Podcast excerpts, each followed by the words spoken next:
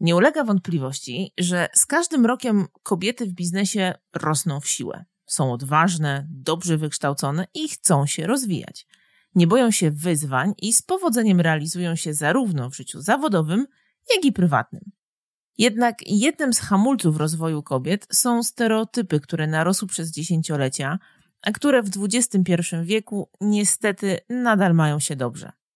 Jak wynika z raportu Hayes Kobiety na rynku pracy 2023, trudności w karierze wynikających z płci zdecydowanie częściej doświadczają kobiety.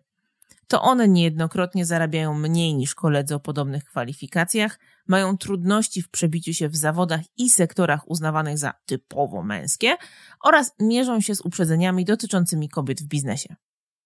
W tym odcinku podcastu, w silnym kobiecym gronie, rozmawiamy o wyzwaniach, które stoją przed kobietami w Polsce w obszarze prywatnym i zawodowym. Powiedzmy wprost: każdy miewa trudne momenty. Co robić, żeby sobie z nimi poradzić? Let's talk about well-being. To podcast Capgemini Polska, a ja się nazywam Katarzyna Smuda.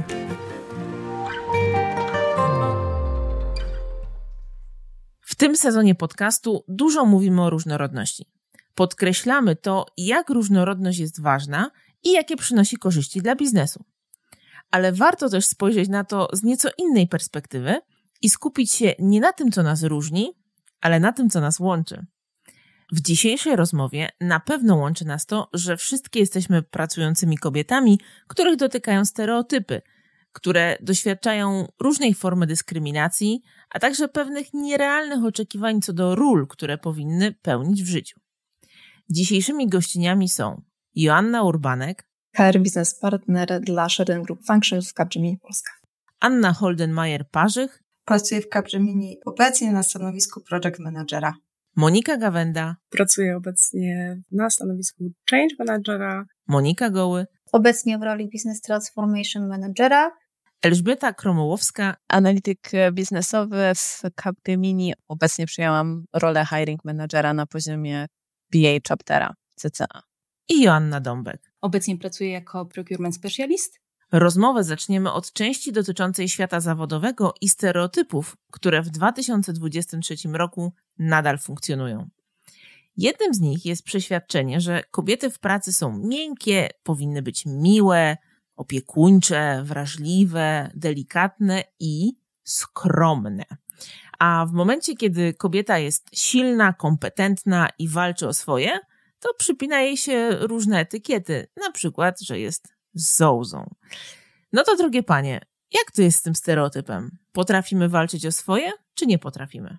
Z jednej strony potrafimy, bo my mamy to, tą, tą umiejętność w sobie, tylko jak wspomniałaś o tych stereotypach, to zderzając się z nimi, myślę, że wchodzimy w taki impas, bo jakby y, ilość tych stereotypów, szczególnie na polu zawodowym, y, momentami bywa przytłaczająca, przynajmniej w moim odczuciu.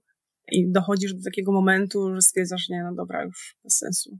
Też mam takie wrażenie, że często mm, no, nikt nie chce tak naprawdę na siłę cały czas udowadniać swojej wartości. Jeśli już to robił przez tak naprawdę miesiące, lata, w pewnym momencie każdy ma dość. A mam wrażenie, że w przypadku kobiet, no, muszą one dłużej, częściej i bardziej pokazywać, że są wartościowe właśnie w miejscu pracy, na swoim stanowisku, że są kompetentne i też te kompetencje są znacznie częściej podważane. Więc myślę, że to może być tutaj też spora blokada, żeby właśnie tak cały czas tak naprawdę cisnąć dalej, no bo też ile można. Mnie się wydaje, że to jest właśnie taka pułapka trochę, że kobiety chciały tak mocno udowodnić, że są takie równo mocne jak mężczyźni i dlatego właśnie, tak jak Kasiu powiedziałaś, stereotyp zołzy, że jak już jakaś kobieta jest menadżerką albo w zarządzie, no to już na pewno musi być niezła z niej hetera. A tak naprawdę w dzisiejszych czasach właśnie liczą się umiejętności miękkie u menadżerów i, i wszyscy nasi menadżerowie wyższego szczebla powinni być przeszkoleni z inteligencji emocjonalnej. Także wydaje mi się, że to jest duża szansa dla kobiet, żeby właśnie mogły budować na tym, w czym są dobre, w czym są najlepsze.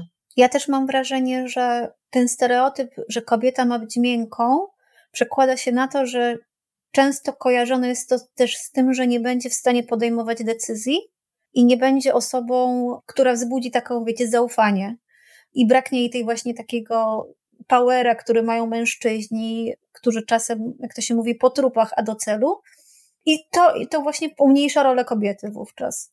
Że gdzieś ten stereotyp, że my, my jesteśmy te miękkie, delikatne, empatyczne, przekłada się na to, że postrzegane jesteśmy za mniej decyzyjne, mniej stanowcze i przez to nie jesteśmy w stanie sprawować na przykład wyższych stanowisk w taki sam sposób jak mężczyźni. Ja właśnie przeglądałam sobie badania na temat tego, jakby co kobiety uważają za największą przeszkodę w awansie. E, I to właśnie 75% respondentek wskazało, że są to stereotypy i przyzwyczajenie, że to mężczyźni pełnią wysokie stanowiska. A ja się z tym nie zgodzę, powiem szczerze. Ja uważam, że też często same sobie szkodzimy przez to, że te stereotypy panują, trochę zaczynamy w nie po części wierzyć, ale też jest coś takiego jak pisanie po męsku i pisanie po damsku. Warto tak, na to tak. zwrócić uwagę, jak no. wyglądają maile napisane przez mężczyznę, a jak wyglądają maile napisane przez kobietę. Więc bardzo często my staramy się dodatkowo tłumaczyć, dodatkowo przepraszać za każdą jedną rzecz, która nawet nie była naszą winą. I w ten sposób my same sobie trochę szkodzimy, ponieważ no, pokazujemy tą inną stronę i przez to, że non-stop staramy się wytłumaczyć ze swojego zdania, ze swojego stanowiska, ze swojej pozycji, to też może, no tak jak mówię, nas blokować. Taka potrzeba ciągłego przepraszania i tłumaczenia się, e, no nie wpływa też korzystnie właśnie na taki wizerunek decyzyjnej, twardej osoby. No i taki też syndrom oszusta, tak? że tak. ciągle mm, próbujemy sobie same wytłumaczyć, udowodnić, że ja jednak zasługuję, że nie znalazłam się tutaj przypadkiem, ale, ale może jednak. I gdzieś ciągle z tyłu głowy mamy to, że hmm, może jednak nie zasłużyłam na to, że ktoś mnie wypromował, że a, bo akurat, nie wiem, było miejsce i akurat mnie się udało, a nie, że ja to osiągnęłam. Tak? I ciągle gdzieś tam podważamy tą swoją wiarygodność i, i kompetencje. Wiecie, mi powiedziała jedna rekruterka, taka już bardzo doświadczona w rekrutacji. Ona powiedziała, że jak widzi CV, może to jest generalizacja, ale ona bierze to na klatę, że jak widzi CV kobiety i widzi CV mężczyzny, to jeżeli kobieta coś wypisuje w tym CV, to ona ma 100% gwarancji, że te wszystkie punkty zostały wykonane, przepracowane, na pewno ma tam kompetencje i tak dalej, więc jakby CV kobiet to 100%, 100% doświadczenia, ta nawet nie ma tam, y, właśnie nie, nie chodzi o to, że prawdy, bo to nie chodzi o to, że panowie kłamią, ale panowie jak raz w życiu czymś się zajęli, to wpisują to w CV, a panie muszą w tym zrobić, wiecie, magistra, doktorat i, i 20 lat doświadczenia, żeby to wpisać w CV. Więc to, to taki nawet trochę w tym temacie taki przykład z, z życia. Ja też chciałam jakby do tego e, nawiązać, też o tym, e, też o tym czytałam, że kobiety jakby bardzo tutaj surowo podchodzą. Natomiast ja ze swojego doświadczenia mogę powiedzieć, dlaczego tak jest. Dlatego, że te oczekiwania gdzieś w trakcie edukacji wobec kobiet właśnie takie są, że kobiety mm, często muszą udowodnić i ja studiując na pewnej uczelni, a studiowałam na trzech, więc nie będę wskazywać, która to z uczelni była, e, spotkałam się z tym, że Uczyłam się na egzamin, to była bardzo ważna dla mnie e, sprawa. Dostałam w rezultacie z tego egzaminu czwórkę albo piątkę i idąc po wpis do prowadzącego, do profesora e, na tej uczelni, on tak popatrzył na mnie i mówi, że mogłabym być dziewczyną listopada. I wskazał po prostu na kalendarz, który wisiał na ścianie. I dla mnie to było pomyślałam sobie, że w ogóle jak to, że ja się tak uczyłam, tak się przykładałam do tego i zamiast docenić tak naprawdę te moje wyniki, to w ogóle zostałam zrównana do, do czegoś, co, co tam po prostu wisi na ścianie. I dla mnie to doświadczenie, tak jak pytałaś, czy, czy uważamy, że warto walczyć, czy, czy my chcemy walczyć, czy mamy siłę, żeby walczyć. Ja mam bardzo dużo siły, żeby walczyć, ale ja się zastanawiałam jakby przez jakiś czas, czy w ogóle jest mi to potrzebne czy ja mam ochotę walczyć i czy ja mam ochotę iść tam, gdzie po prostu mnie nie chcą, bo ja tam się nie czułam chciana. No a propos tego wyglądu, to powiem wam, że ja miałam taką historię swojej pierwszej pracy, gdzie no wyglądam jak wyglądam, tak? Mam trochę może na mniej lat niż rzeczywiście mam i moja szefowa powiedziała mi, że hmm, no cóż ja mam ci powiedzieć, no twój wygląd nie pomaga ci w karierze. I uwierzcie mi, to było z 12 lat temu, ja to pamiętam do dzisiaj. I to, że ja jestem postrzegana tylko przez pryzmat tego, jak wyglądam, a nie to, co potrafię. I to jeszcze usłyszano od kobiety, bo no, trudne. Tak? I dlatego mi to tak zapadło w pamięć, że no, żadnego faceta nigdy nie oceniał tylko za to, jak wygląda, a kobiety już tak. To, co powiedziała Ela, że no, nie liczy się to, co potrafisz, co napisałaś, tylko jak wyglądasz. Myślę, że takie popularne stwierdzenie, co taka ładna dziewczyna robi w IT. O Jezus, no. Ale nawiązując do tego, co Ela mówiła i do tego, co mówiłaś, Asiu, ty, a propos tego, że to my sobie same troszkę utrudniamy, to jest kwestia właśnie tego, że my jesteśmy permanentnie, jesteśmy stale na świeczniku i my właśnie jesteśmy stale torpedowane, bo to już nawet kwestia wyglądu to raz, y, ale inna rzecz. Ja też spotkałam się z takim e, stereotypem, które pewnie też już słyszałyście. Nie było to do mnie mówione, ale właśnie było gdzieś tam do menadżerki jednej e, skierowane, że jesteś świetnym menadżerem, nie? Jak na kobietę. Więc jakby te cechy, jest taki silny podział na to, że jak coś jest super i ekstra i wydajne i efektywne, to ma jakby czynnik męski, ale jak już jest coś słabiej albo właśnie jesteśmy zbyt emocjonalne, bo jesteśmy miękkie, E, no to już jest damski epitet, nie? Więc tutaj jest ten podział i, i tak jak powiedziałaś, no my jesteśmy non-stop oceniane, non-stop często gęsto krytykowane i, i właśnie jest ten tryb walki w nas gdzieś tam włączony. To jest też tak, że jest tak jakby um, inne kryteria oceny dla kobiety, inne dla mężczyzny, prawda? I to jest ta niesprawiedliwość. I to jest taka też forma mobbingu trochę, że jednak te kryteria dla nas są inne. Ja nie mówię, czy wyższe, czy niższe, ale jednak inna. To się zaczyna tak naprawdę dużo wcześniej, a nie w pracy. Bo jeśli pomyślimy o tym, jak było w szkole, to dziewczynka zawsze ma być grzeczna, ma być cicho, ma się dobrze uczyć, a chłopiec, że tam rozrabia i ma gorsze oceny, to jest już naturalne i przecież jest chłopcem i tak może. Więc y, taki podział zaczyna się bardzo, bardzo wcześnie, on po prostu z nami zostaje, bo to też nie jest tak, że o mężczyźni najgorsi i oni mają wszystkie przywileje, a my nie, bo to też nie jest tak, ale zdecydowanie właśnie to, jak od małego jesteśmy kształtowane, no to tutaj robi robotę. Niekoniecznie dobrą. A propos tego, co Asiu mówisz, najprostszy przykład miałam e, na własnym doświadczeniu życiowym, gdzie mam dwójkę małych dzieci i to jest, wiecie, do trzeciego roku życia jakby ciężko odróżnić płeć, jeżeli ktoś się bardzo nie postara. I moja córeczka bardzo długo nie chodziła w różowym i wiecie, e, nie, nie zakładała tych wszystkich takich Atrybutów kokardek. dziewczęcych, tak. Tak, tak, tak. I widziałam to gdzieś na jakimś TikToku, oczywiście też, że ktoś się z czymś takim spotkał. U mnie też to było, że jeżeli e, przypominała chłopczyka, no to było, że wow, ale jesteś silny, nie? Ale jesteś tam sprawny i tak dalej. Ale jak założyła już coś różowego i było wiadomo, że to jest dziewczynka, to od razu było, że jestem piękna, jest śliczna, taka uśmiechnięta. Jakby te atrybuty silne, dzielne już poszły w niepamięć, nie? Więc to jest to, co tutaj Asiu mówi, że, że tak, to się zaczyna od, od naprawdę zarodka to, co, o czym też mówicie, to ja sobie zapisałam kilka takich przykładów, no bo właśnie to jest ta kwestia mikroagresji, czyli taka najczęstsza forma wykluczenia e, kobiet, czyli właśnie e, to, co tutaj powiedziałyście, świetny z ciebie menadżer jak na kobietę. To są jakieś nieszkodliwe żarty, jakieś pytania o dzieci, nie o dzieci, o dom, zakładanie z góry podczas spotkania z kobietą i mężczyzną, że to mężczyzna zajmuje wyższe stanowisko, pozwalanie sobie na komentarz na temat wyglądu kobiety, tutaj e, kobieta listopada między innymi, lub też natarczywe wpatrywanie się w nią, koncentrowanie się na tym, że kobiety to przede wszystkim matki, żony, koncentrowanie się w pracy na wyglądzie, nie na kompetencjach, deprecjonowanie pomysłów kobiet, ignorowanie ich, odmawianie kobiecości asertywnym i pewnym siebie kobietom, seksistowskie żarty uwagi i dodatkowe wyjaśnienie poruszanych zagadnień kobiecie, niepoprzedzone upewnieniem się, że takich wyjaśnień potrzebuje, czyli innymi słowy tłumaczymy jakąś techniczną zawiłość, a następnie tłumaczymy drugi raz kobiecie, bo na pewno nie zrozumiała. To są przykłady mikroagresji e, wobec kobiet, która jest najczęstszą formą wykluczenia. No to jak y, z waszymi doświadczeniami? Znaczy ja takich doświadczeń miałam bardzo dużo, mogę powiedzieć i to, co ja zauważyłam, to bardzo często to są albo żarty, w sensie żarty dla żartującego, bo, bo na pewno nie dla mnie, albo są to komplementy.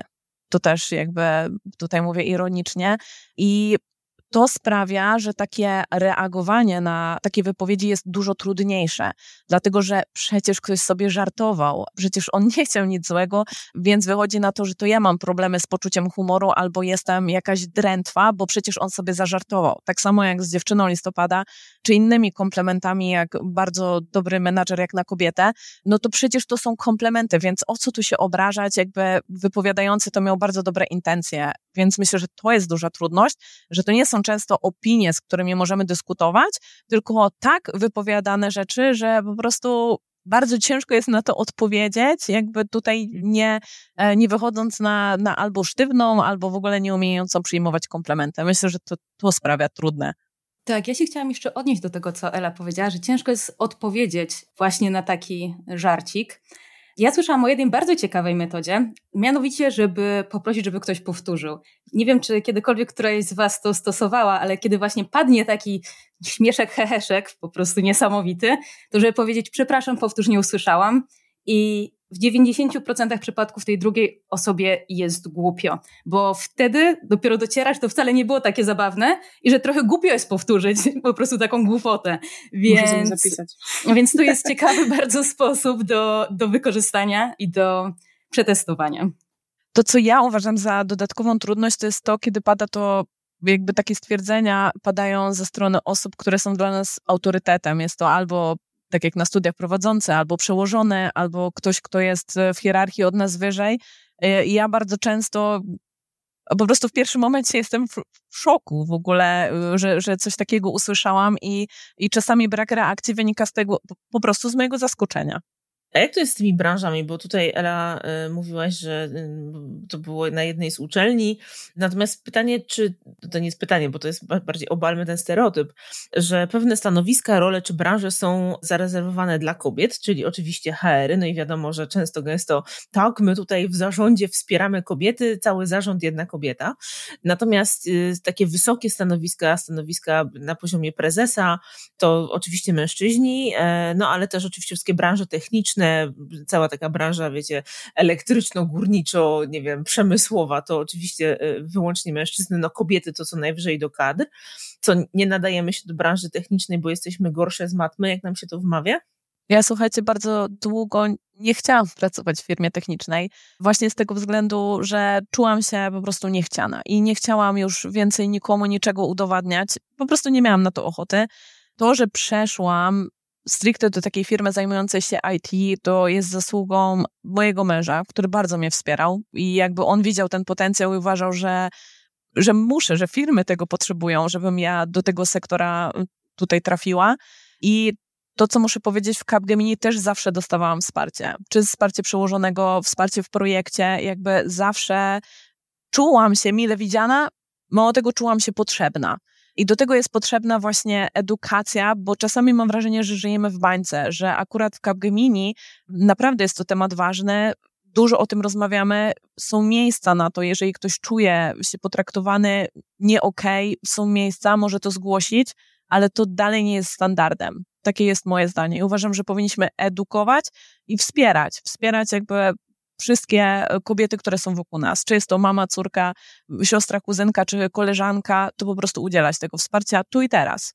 To ja bym powiedziała, że ważna jest edukacja obu stron, bo mm, z jednej strony jasne, my kobiety, żebyśmy właśnie mogły śmiało mówić o tym, jak jest, co czujemy i żebyśmy się nie czuły wykluczone, ale z drugiej strony też wiem, że takie umniejszanie ze strony mężczyzn kobietom często wynika z ich własnych czy kompleksów, czy problemów i niezdolnością wyrażania tego. I w momencie, kiedy nie będzie też tej edukacji mężczyzn, edukacji typowo emocjonalnej, to też tutaj dużo się, znaczy dużo może się zmieni, ale na pewno nie aż tak dużo, jakby mogło. Więc ja uważam, że jasne, warto stawiać na edukację, ale nie tylko jednej strony, nie tylko właśnie, dobra, my tutaj w opozycji, a wy swoje, tylko żeby rzeczywiście zadbać o te emocje zarówno kobiet, jak i mężczyzn.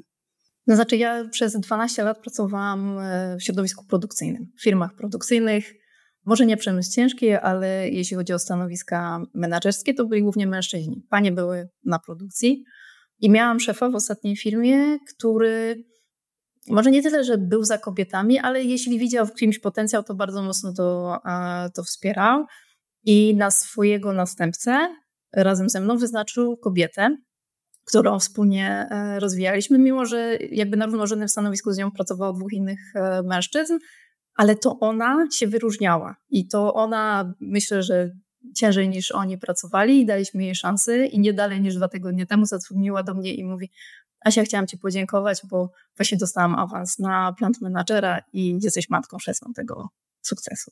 I wiecie, ale też mężczyzna jakby był świadomy tego, że mimo, że w męskim to środowisku, to jednakże daje kobietom szansę, mimo, że to wcale nie jest częste, żeby kobieta była plant menadżerem. To, słuchajcie, to zadam to pytanie, y, czyli jak edukować mężczyzn, ale zadam, je, zadam takie dwa równoległe, czyli właśnie jak panów otwierać na tą inną perspektywę i je, jak trochę o to zadbać, ale dlaczego też należy w ogóle, wiem, że jest pytanie oczywiste, ale czekam na wasze odpowiedzi. Dlaczego należy wspierać równość kobiet i mężczyzn na rynku pracy?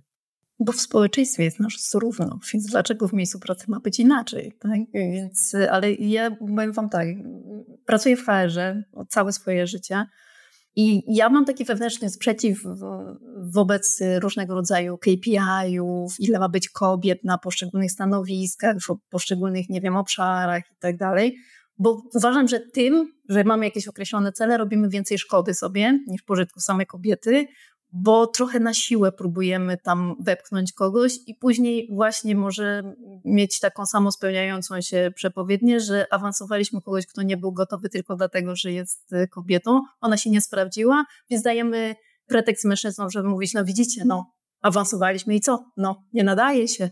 No to po co te kobiety w ogóle awansować?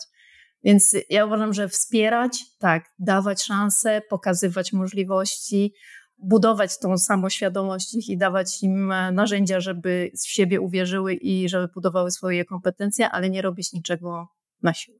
Ale właśnie budujmy na tym, co, w czym kto jest dobry. Ja na przykład bardzo dobrze czuję się z tym, że nie muszę się znać na niektórych rzeczach w domu i mówię o tym otwarcie. Ja nie chcę się nawet na tym znać. Natomiast nie mam problemu z tym, że na przykład mój mąż nie lubi wieszać czy składać prania, tak? Ja sobie włączam podcasta na słuchawkach i sobie spokojnie wieszam, a nie mam później jakby do niego wyrzutu, że on tego nie robi, że nie jesteśmy podzieleni jakimiś tam obowiązkami porówno. Aczkolwiek muszę to powiedzieć, mój mąż świetnie gotuje, piecze ciasta, piecze chleby, także w ogóle ma dużo różnych takich około domowych nowych zainteresowań, uprawia w ogóle grządki, kwiatki, borówki chyba ostatnio posadził. Także to nie jest tak, że on jest taki typowy macho mężczyzna, tylko właśnie ma różne takie powiedziałabym, niemęskie zainteresowania, co mu absolutnie nie, nie odejmuje męskości, a jak powiem koleżankom czasem przynosząc jakąś Pawlową do, do pracy, że a mąż mi wczoraj zrobił to w ogóle są w takim szoku, że, że jeszcze takich min nie widziałam. Także myślę, że niech każdy się skoncentruje naprawdę na tym, w czym jest dobry i nie musimy na siłę sobie udowadniać, że właśnie my możemy być takimi feministkami i robić te rzeczy, które są takie typowo męskie. Ja chciałam tylko powiedzieć, dlaczego warto e, wspierać kobiety, dlatego że to jest potencjał i nie dając szansy tak jak Asia powiedziała, połowie społeczeństwa, pozbawiamy się, pozbawiamy się tych możliwości, pozbawiamy się tego potencjału, który w kobietach tkwi. I tak jak widzimy, no można, kobieta może dostać Nagrodę Nobla, może odkrywać różne rzeczy, po prostu jakby społeczeństwo będzie o ten cały potencjał uboższe, jeżeli my tego potencjału nie będziemy wspierali. No właśnie, więc jeszcze trochę e, pogniotę. To jak takich panów, takich e, IT geeków edukować, żeby jednak otworzyli te głowy? Ja mam taki pomysł. Lecąc językiem handlowca, jakby mówić do nich językiem korzyści i jednak skupiać się na działaniu, bo jakby ta walka ze stereotypami działa w dwie strony, nie? To też nie jest tak, że tylko my obrywamy i, i to tylko nas się tyczą te stereotypy, ale oni ja nie wierzę w to, że wszyscy mężczyźni na świecie chcą pracować na kopalni i chcą pracować w branży IT. Oni też mają tą miękką stronę. Oni też obrywają stereotypem, że nie mogą ukazywać emocji, że nie mogą mówić o swoich emocjach. Oni też mają pasje, które niekoniecznie wstrzelają się w ten stereotyp macho i tak dalej, i tak dalej. Więc to, jak ich edukacja będzie wyglądać, jak ta świadomość będzie rosnąć, będzie pozytywnie też wpływać na ich funkcjonowanie, bo to też przecież tak samo ojcowie, no teraz mamy zmianę w prawie pracy, gdzie ten urlop też jest przepisany dla ojca i to jest przecież też korzyść. Niejednokrotnie y, spotykam się z ojcami, którzy nie potrafią się odnaleźć y, w tych rolach, no bo gdzieś tam mieli wzorzec taki, a nie inny, więc to jest ich najlepsza okazja ku temu, żeby troszeczkę pozmieniać ten światopogląd, nie? Według mnie bardzo ważne jest, żeby też doceniać małe kroki, bo tak jak widzę też po moim otoczeniu, też po osobach, z którymi pracuję na różnych płaszczyznach, łatwiej przychodzi krytyka i powiedzieć, że a ty znowu coś, a nie dostrzeganie tych momentów, kiedy coś poszło naprawdę dobrze. Więc jeśli my cały czas będziemy krytykować tego pana, że on to nas nie dostrzega, on to ma takie takie spostrzeżenia i zawsze jest to samo, a kiedy robi coś dobrze, to po prostu spotyka się to z milczeniem i tylko takim, no nareszcie, no to też go nie będzie zachęcało do tego, żeby rzeczywiście próbował więcej. No bo po co, skoro tak naprawdę widać tylko te złe rzeczy, które robi, a te dobre nigdy nie są doceniane. Więc moim zdaniem takie właśnie też docenienie i powiedzenie, hej, fajnie, że to zauważyłeś, miło mi, że zwróciłeś na to uwagę, też jest tutaj bardzo istotne i będzie działało zachęcająco. Czy wymaga cierpliwości? Tak. I czy często już tej cierpliwości brak? Tak. Ale e, warto. Uważam, że warto m, po to właśnie, żeby koniec końców obie strony poczuły się no, zauważone. Drogie panie, chciałabym przejść płynnie do rozmów o stereotypach, teraz już y, nazwijmy to matki Polki. I mam dla was taki przygotowany krótki fragment y, z rozmowy z Natalią de Barbaro.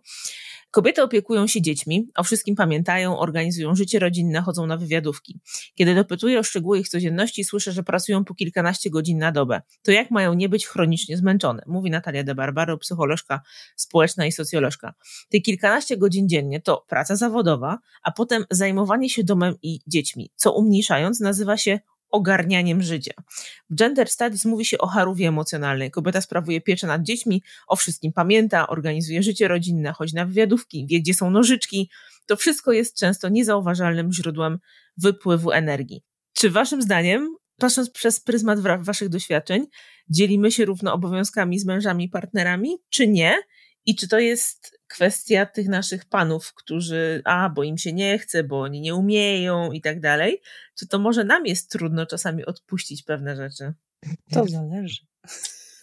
Ja myślę, że nam jest ciężko odpuścić, bo nam się wydaje, że, że mama zrobi najlepiej, mama najlepsze śniadanie do śniadaniówki przygotuje i tak dalej. No i tutaj właśnie sobie trochę tniemy gałąź, na której siedzimy, bo z jednej strony chcemy mieć więcej wolnego czasu, a z drugiej strony jesteśmy takie, tak nam się wydaje, że jesteśmy takie niezastąpione w tej swojej roli mamy. No rola mamy jest rolą rodzica i rola taty jest też rolą rodzica, także akurat tutaj przynajmniej my z mężem staramy się dzielić w miarę porówno, że tak powiem, obowiązkami nad dziećmi stricte, bo nie uważam, żeby oprócz karmienia piersią były czynności, których tata nie potrafi zrobić z dzieckiem od małego do, do nastolatka.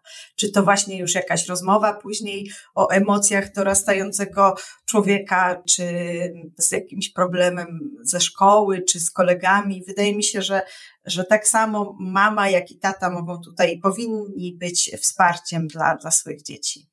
To ja się muszę pochwalić sukcesem życiowym, bo to nie, nawet nie, ma, nie życiowy. Miałam taką rozmowę właśnie, pogadankę z moim mężem. Pozdrawiam mojego męża bardzo serdecznie, bo jakby on tu jest bohaterem całej historii. Ja na dzień dobry mu powiedziałam, że jakby przyjdzie taki moment, że oboje pójdziemy do pracy, to już nie są te czasy naszych rodziców, gdzie mieliśmy ten komfort, że mama była w domu, ojciec chodził do pracy, ojca więcej nie było niż był, mama się zajmowała całym ogniskiem domowym, ładnie od A do Z mu wszystko wytłumaczyłam, że nie da się być kierownikiem projektu, i wykonawcą projektu. Bo ten mental load jest po prostu przeogromny. Mm -hmm. I, i, I też mówię, kawa na ławę, y, czarno-białym, wytłumaczyłam mu, że jakby tak samo dla mnie to jest nowa sytuacja i obca sytuacja. Ja tak samo się uczę i tak samo dla niego to jest. Tak jak Ania wspomniała, jedyną rzeczą, którą ty nie możesz robić, to karmienie piersią, ale cała reszta feel free, nie? Mhm. I zadziałało. No, już jesteśmy po drugim dziecku, więc y, rozdział kolejny mamy za sobą. Nie jest idealnie, ale tak jak wspomniałyście, nauczyłam się też, że nie musi być idealnie, a to no była właśnie. ciężka a, praca. No to jest super. To jest właśnie. clue. I to jest ta właśnie, co mówiłaś, co pytałaś Kasia, my też często nie umiemy odpuścić. Po prostu same się zapętlamy w tym i właśnie mimo, że delegujemy, powiedzmy to naszym korpo językiem, delegujemy zadanie mężowi czy partnerowi, to i tak chcemy kontrolować, czy on je zrobił, a ewentualnie, czy on je zrobił jeszcze tak, jak my chcemy, żeby je zrobił. Zakładamy, że on tego nie zrobi dobrze, nie? I jeszcze sprawdzimy. tak. I tu się zapętlamy, nie umiemy odpuścić, na zasadzie deleguję, oczekuję rezultatu i nie patrzę w jaki sposób. I to jest trudne, i to jest trudne. Wiele ludzi się właśnie bardzo denerwuje, ja sama, kiedy mi ktoś mówi, jak mam coś robić. Dokładnie. Powiedz mi, co chcesz, jaki chcesz rezultat i daj mi wolność, ja to zrobię po swojemu. Tak, tak, to prawda. Ta nauka odpuszczania na zasadzie proszę, żeby ktoś coś zrobił. Ja na przykład mówię do męża, nie będzie mnie tydzień, musisz ogarnąć dom. Obiady, zakupy, wszystko. I ja wracam i ten dom stoi i nie, nie zawalił się, prawda? No może nie jest tak wysprzątany, jak ja bym ja go wysprzątała, ale wszyscy przeżyli, kot też, więc po prostu da się. tylko to wymaga też takiej naszej dyscypliny jako kobiet trochę wewnętrznej, no i zaufania do innych. Ja takie zdanie kiedyś usłyszałam. Rób rzeczy ważne, z reszty zrezygnuj. I jeżeli na przykład dla mnie, nawet będąc tam e, na urlopie macierzyńskim, czyli matka z dzieckiem w domu, mm, było ważne spotkać się z koleżanką, no to ja się ubrałam, wzięłam to dziecko do wózka i pojechałam do jakiejś kawiarni, gdzie znalazłam, że jest to kawiarnia przyjazna dzieciom, jakiś super wypasiony kącik dla dzieci i tak dalej. Czyli dawałam opiekę dziecku, ale też e, dawałam sobie jakąś tam przyjemność wyjścia na miasto. Ale jeżeli miałam taki dzień, że właśnie zupełnie chciałam po prostu posiedzieć w domu i faktycznie nawet nie miałam siły czy czasu się ubrać, to chodziłam sobie do tej 15 czy 17 w piżamie. Ja muszę powiedzieć swojego doświadczenia, no ja mam okres małego dziecka już dawno za sobą i powiem szczerze, to, to były trochę jeszcze inne czasy i miałam ja inną mentalność. I kiedy ja zaczęłam pracę, to mój pierwszy dzień w pracy był dla mnie stresujący, dlatego że moje dziecko zostało pierwszy dzień z nianią i to mnie bardzo przerażało. I takim dużym szokiem dla mnie wtedy było, kiedy spotkałam koleżankę i ona mówiła, że ona teraz służbowa wyjeżdża na dwa tygodnie. Ja mówię, no ale ty masz małe dziecko, roczne. Ty je zostawisz na dwa tygodnie? Ona mówi, ale ono tego nawet nie będzie pamiętało. Więc nie powie mi, że mamo mnie zostawiłaś, a zostawiam je z mężem, czyli ojcem dziecka i ze swoją mamą, czyli w dobrych rękach. I ja jestem spokojna, że sobie poradzę. I to było dla mnie takim, takim szokiem, że faktycznie można o siebie zawalczyć. No to przejdźmy już o to zawalczenie, bo chciałam Was jeszcze zapytać właśnie, jakie rady byście dały w kontekście tego wychodzeniu z kieratu, czyli właśnie jak umieć odpuszczać, ale to do tego wrócimy, bo jak rozmawiamy o zawalczeniu o siebie, no to rzucę tak, czy potrafimy zadbać o siebie, będąc matką przynajmniej jednego dziecka, a tym bardziej więcej? Czy rzeczywiście całe życie już wtedy kobiety poświęcają dzieciom i już nie ma czasu na kursy, już nie ma czasu na hobby, już nie ma czasu na, na swoje pasje? No, nie jest to łatwe na początku. Faktycznie, ja przynajmniej tak miałam, że te parę lat, kiedy dzieci były takie małe, to za każdym razem, kiedy sama gdzieś wychodziłam z domu, czyli na przykład spotkać się z koleżankami, czy nie wiem, do kina, żeby właśnie zmienić całkowicie otoczenie, to miałam takie jakby poczucie winy, że zostawiam ich. Także to trzeba sobie jakby przepracować, właśnie upewnić się w tym, że przecież e, zostają czy z tatą, czy z babcią, więc tak naprawdę w bezpiecznych rękach nic im się na pewno złego nie stanie. I dopiero jak sama sobie to wytłumaczyłam, to e, na nowo odzyskałam radość robienia właśnie różnych rzeczy, które robiłam przecież przez całe prawie moje życie, tak? Ja akurat tańczę. Pierwsze dziecko miałam w wieku 32 lat, więc do tych 32 lat ja tam od szóstego roku życia tańczyłam, więc nie zapomniałam tego, co jest moją pasją. Jakby to, że nagle stałam się mamą, to nie odcięłam sobie całego tego życia sprzed i e, teraz będę już tylko mamą i w ogóle najlepiej super mamą, e, najbardziej opiekuńczą i najlepszą. Wiadomo, że każda z nas jest najlepszą mamą dla swoich dzieci. Także mi się wydaje, że no trzeba jakby dojrzeć do tego. Każda z nas jest też inna, tak? I nie każda e, dziewczyna potrzebuje na przykład, nie wiem, wychodzenia z domu. Ja na przykład tego bardzo potrzebowałam. Bardzo cierpiałam w pandemii, kiedy restauracje, kawiarnie były zamknięte to była chyba rzecz taka, której mi najbardziej brakowało. I faktycznie to wychodzenie do ludzi jest, e, jest taką jakąś moją cechą, ponieważ nawet nie mając zespołu tutaj na miejscu w Krakowie, bo akurat współpracuję z Hindusami i Francuzami, regularnie przychodzę do biura i to dosyć często po około trzy razy w tygodniu, bo ja po prostu jestem taką istotą społeczną, że lubię być z ludźmi. I faktycznie wróciłam do tego tańca i to jest niesamowite, że że dzieci to widzą, że ja wychodzę i oczywiście mają jakieś takie, powiedziałabym, zastrzeżenia. A, mama często wychodzi, ale jak im policzyłam, że tak naprawdę to jest raz albo dwa razy w tygodniu na siedem dni, ja tacie nie zabraniam w każdy z innych pięciu dni na przykład korzystać, czy to z jakiegoś e, e, siłowni, czy, czy jakiś sport uprawiać, czy spotkać się z kolegami, a ja akurat tego potrzebuję i, i uważam, że, że warto po prostu właśnie, tak jak to ładnie powiedziałaś, zawalczyć o siebie i o, o jakieś tam swoje pasje, co też chyba pokazuje dzieciom, że, że pasję przecież można mieć w każdym wieku, a nie pasję tylko się ma, jak się jest nastolatkiem. To jest fajne, Ania, co powiedziałaś. Ja bym nie demonizowała trochę tego macierzyństwa, że musimy się od niego jakoś odcinać, mhm. bo tak naprawdę zawalczyć o siebie, czyli tak naprawdę wsłuchać siebie, co tobie potrzeba. jakie ty masz potrzeby, co jest dla ciebie dobre, ten dla tego twojego dobrostanu, bo jeśli ktoś spełnia się w roli rodzica i dla niego dziecko jest całym światem, i jest przez to szczęśliwy, to ja nie uważam, że jest w tym coś złego. Pewnie, to też jest okej. Okay. Oczywiście. A jeśli faktycznie czujesz, że, że to bycie rodzicem, czy bycie partnerem cię przytłacza i w pewnym momencie jest to dla ciebie niedobre po prostu, to musisz wtedy powiedzieć to głośno, że robisz coś dla siebie, bo ty tego potrzebujesz po to, żeby później na przykład z nową energią znowu pobawić się z dzieckiem, prawda? No właśnie, teraz zastanówmy się nad tymi komunikatami, które by mogły po takim czymś wrócić do, do, do nas, do kobiet, bo mam wrażenie, że obrywamy, obrywamy zawsze. No bo tak, jestem matką, chcę wrócić do pracy, skupić się na karierze, wyrodna matka, chcę zostać w domu, skupić się na rodzinie, bo tak jak Monika powiedziałaś, to jest cały cel życia tej osoby i rzeczywiście jakby chce się skupić na, na tym dziecku. No to matka, kura domowa, matka z bąbelkami i tak dalej. Kobieta bez ambicji. Kobieta bez ambicji, oczywiście. Załóżmy, że kobieta, nie wiem, e, chce mieć więcej dzieci, więc e, w Polsce, nie wiem, czy wiecie, jak się ma więcej niż trójkę dzieci, to, to już raczej e, bliżej patologii, no bo pff, mieć tyle dzieci to tak. masakra. Tak. Natomiast jeżeli kobieta dzieci nie ma, no to po pierwsze dlaczego? Karierowiczka, dokładnie tak. No i chyba coś z tobą musi być nie tak, skoro tych dzieci nie możesz mieć. Więc ja mam takie wrażenie, że co nie zrobimy, to jest źle. Także jak sobie z tym radzić? Mam poczucie takie, że w naszym społeczeństwie paradoksalnie matka to jest po prostu świętość z jednej strony, a z drugiej jest to taka grupa społeczna, dla której daje się takie ogólnie przyjęte ciche przyzwolenie na bezlitosną krytykę i nawet dyskryminację, więc y, my dostaje, obrywamy na, na każdym kroku. I ja się bardzo cieszę, a propos tego, Kasiu, co mówiłaś, y, co słyszy kobieta oczekująca dziecko w trakcie ciąży. Odchodziłabym od tego straszenia, ale ja się bardzo cieszę, że odchodzimy też od tego obrazu takiego cukierkowego macierzyństwa, że teraz to w ogóle mm, teraz to będziesz miała bąbelka na rączkach i ten zapach i te małe rączki będzie cudownie. Cieszę się, że odchodzimy od, y, od tego cukierkowego obrazu i bardziej realistycznie podchodzimy do tematu, bo później właśnie przychodzi zderzenie oczekiwania kontra rzeczywistość i ta świeżo upieczona matka, i to ojciec zresztą też najbardziej zdezorientowany w całej tej sytuacji, no bo my jednak to bardziej biologicznie wszystko przeżywamy. Ta świeżo upieczona matka jest zdezorientowana, bo nikt jej tego nie mówił, jak będzie naprawdę.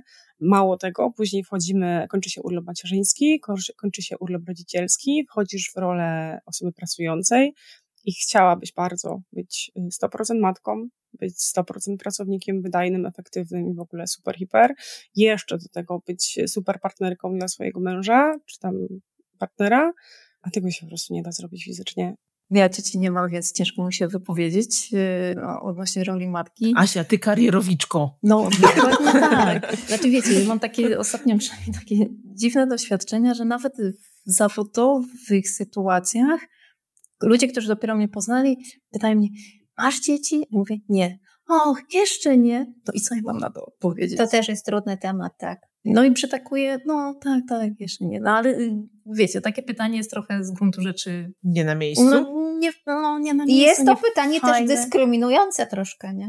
No i to jest, wiecie, to, bo mówimy tutaj generalnie o, o, perspektywie kobiet. Y, ja sobie też przed naszym spotkaniem trochę poczytałam, że de facto między 20 a 25% kobiet nie ma dzieci z różnych powodów czy nie chce, czy nie może, jakkolwiek, tak?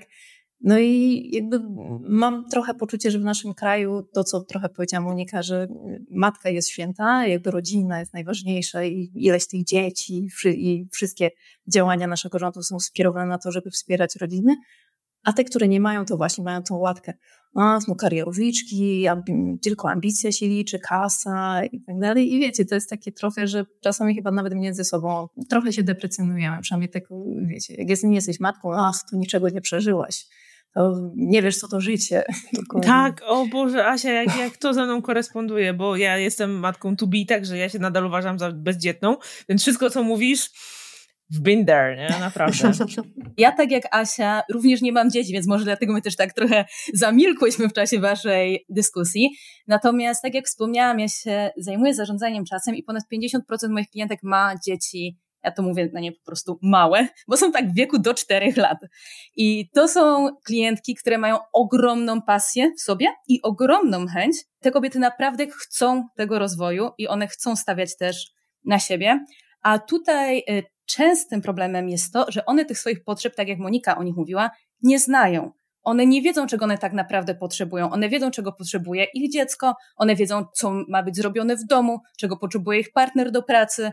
Właśnie są w takim trybie ogarniania wszystkiego, ale nie dopuszczają do siebie myśli, że one też tej jakiejś pomocy czy tego czasu dla siebie też potrzebują, że one mają swoje własne potrzeby, własne jakieś tam jeszcze, można powiedzieć, marzenia wciąż do zrealizowania. I często w takim codziennym biegu nie dają so, same sobie przyzwolenia na to, żeby powiedzieć: OK, stop, ja się zastanowię, czego ja chcę. Jakby tego często nie ma, tego brakuje. I to jest taki mocno hamujący czynnik. Właśnie to zastanowienie się, OK, co jest teraz dla mnie ważne.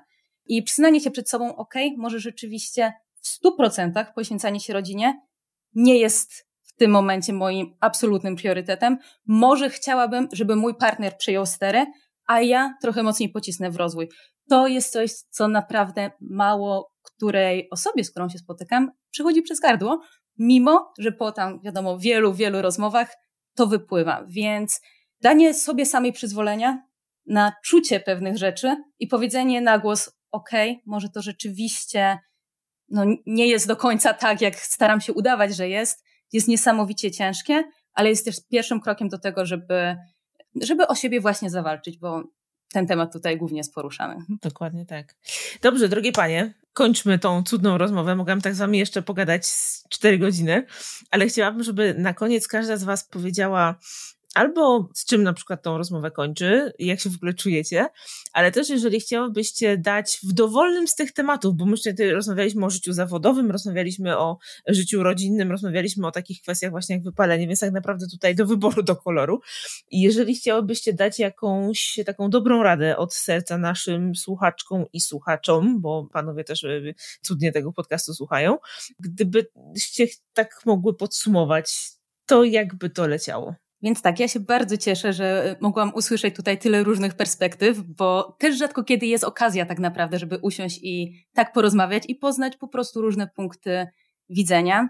Natomiast mam taką jedną złotą radę tutaj dla wszystkich i myślę, że ona się sprawdzi niezależnie od tego, czy się jest matką, ojcem, czy tak naprawdę pełnić jakąkolwiek inną rolę.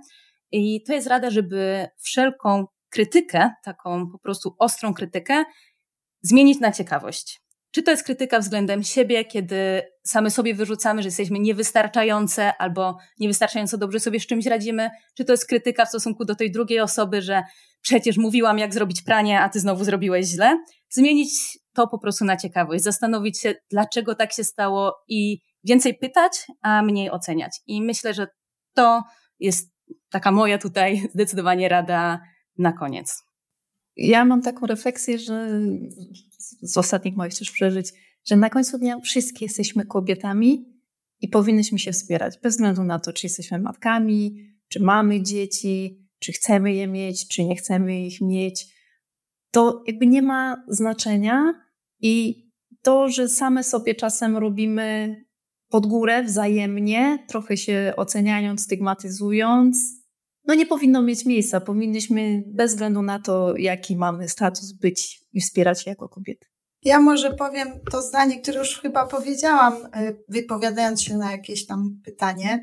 Rób rzeczy ważne, z reszty zrezygnuj. W każdym momencie naszego życia co innego może być ważne i jeżeli coś jest naprawdę jakąś wartością dla nas, czy to jest, nie wiem, uprawianie sportu, czy właśnie jakiś kontakt z przyjaciółkami, to nie pozwólmy, żeby inni nam zabrali to. Możemy też oczywiście w nasze pasje na przykład wciągnąć rodzinę i robić coś razem i super, bo właśnie możemy wtedy jeszcze budować tą wspólnotę jakby rodzinną, ale warto skupić się po prostu na tym, co jest dla nas ważne, a na pewno te osoby, które są dla nas ważne i my dla nich jesteśmy ważni, też będą przy nas i pozwolą nam realizować siebie. No to jakby będę nawiązywać do tego, co powiedziałyście wcześniej i, i tak jakby taki przekaz do tych wszystkich może zagubionych mam, bądź tam właśnie wypalonych rodzicielsko, wypalonych zawodowo, jakby zawód matki w założeniu nigdy nie miał być etat dla jednej osoby. żeby gdzieś tam z tyłu głowy mieć tą myśl i, i tak naprawdę nic nie musisz, a może wszystko, nie? Myślę, że dla mnie dalej ważne jest to, żeby słuchać siebie i komunikować innym to, kim my jesteśmy i nie tracić tej swojej perspektywy, bo tak naprawdę my żyjemy swoje życie i tylko my jesteśmy w stanie je sobie przeżyć. Nikt tego nie zrobi za nas, ani społeczeństwo, ani partnerzy, ani, ani stereotypy.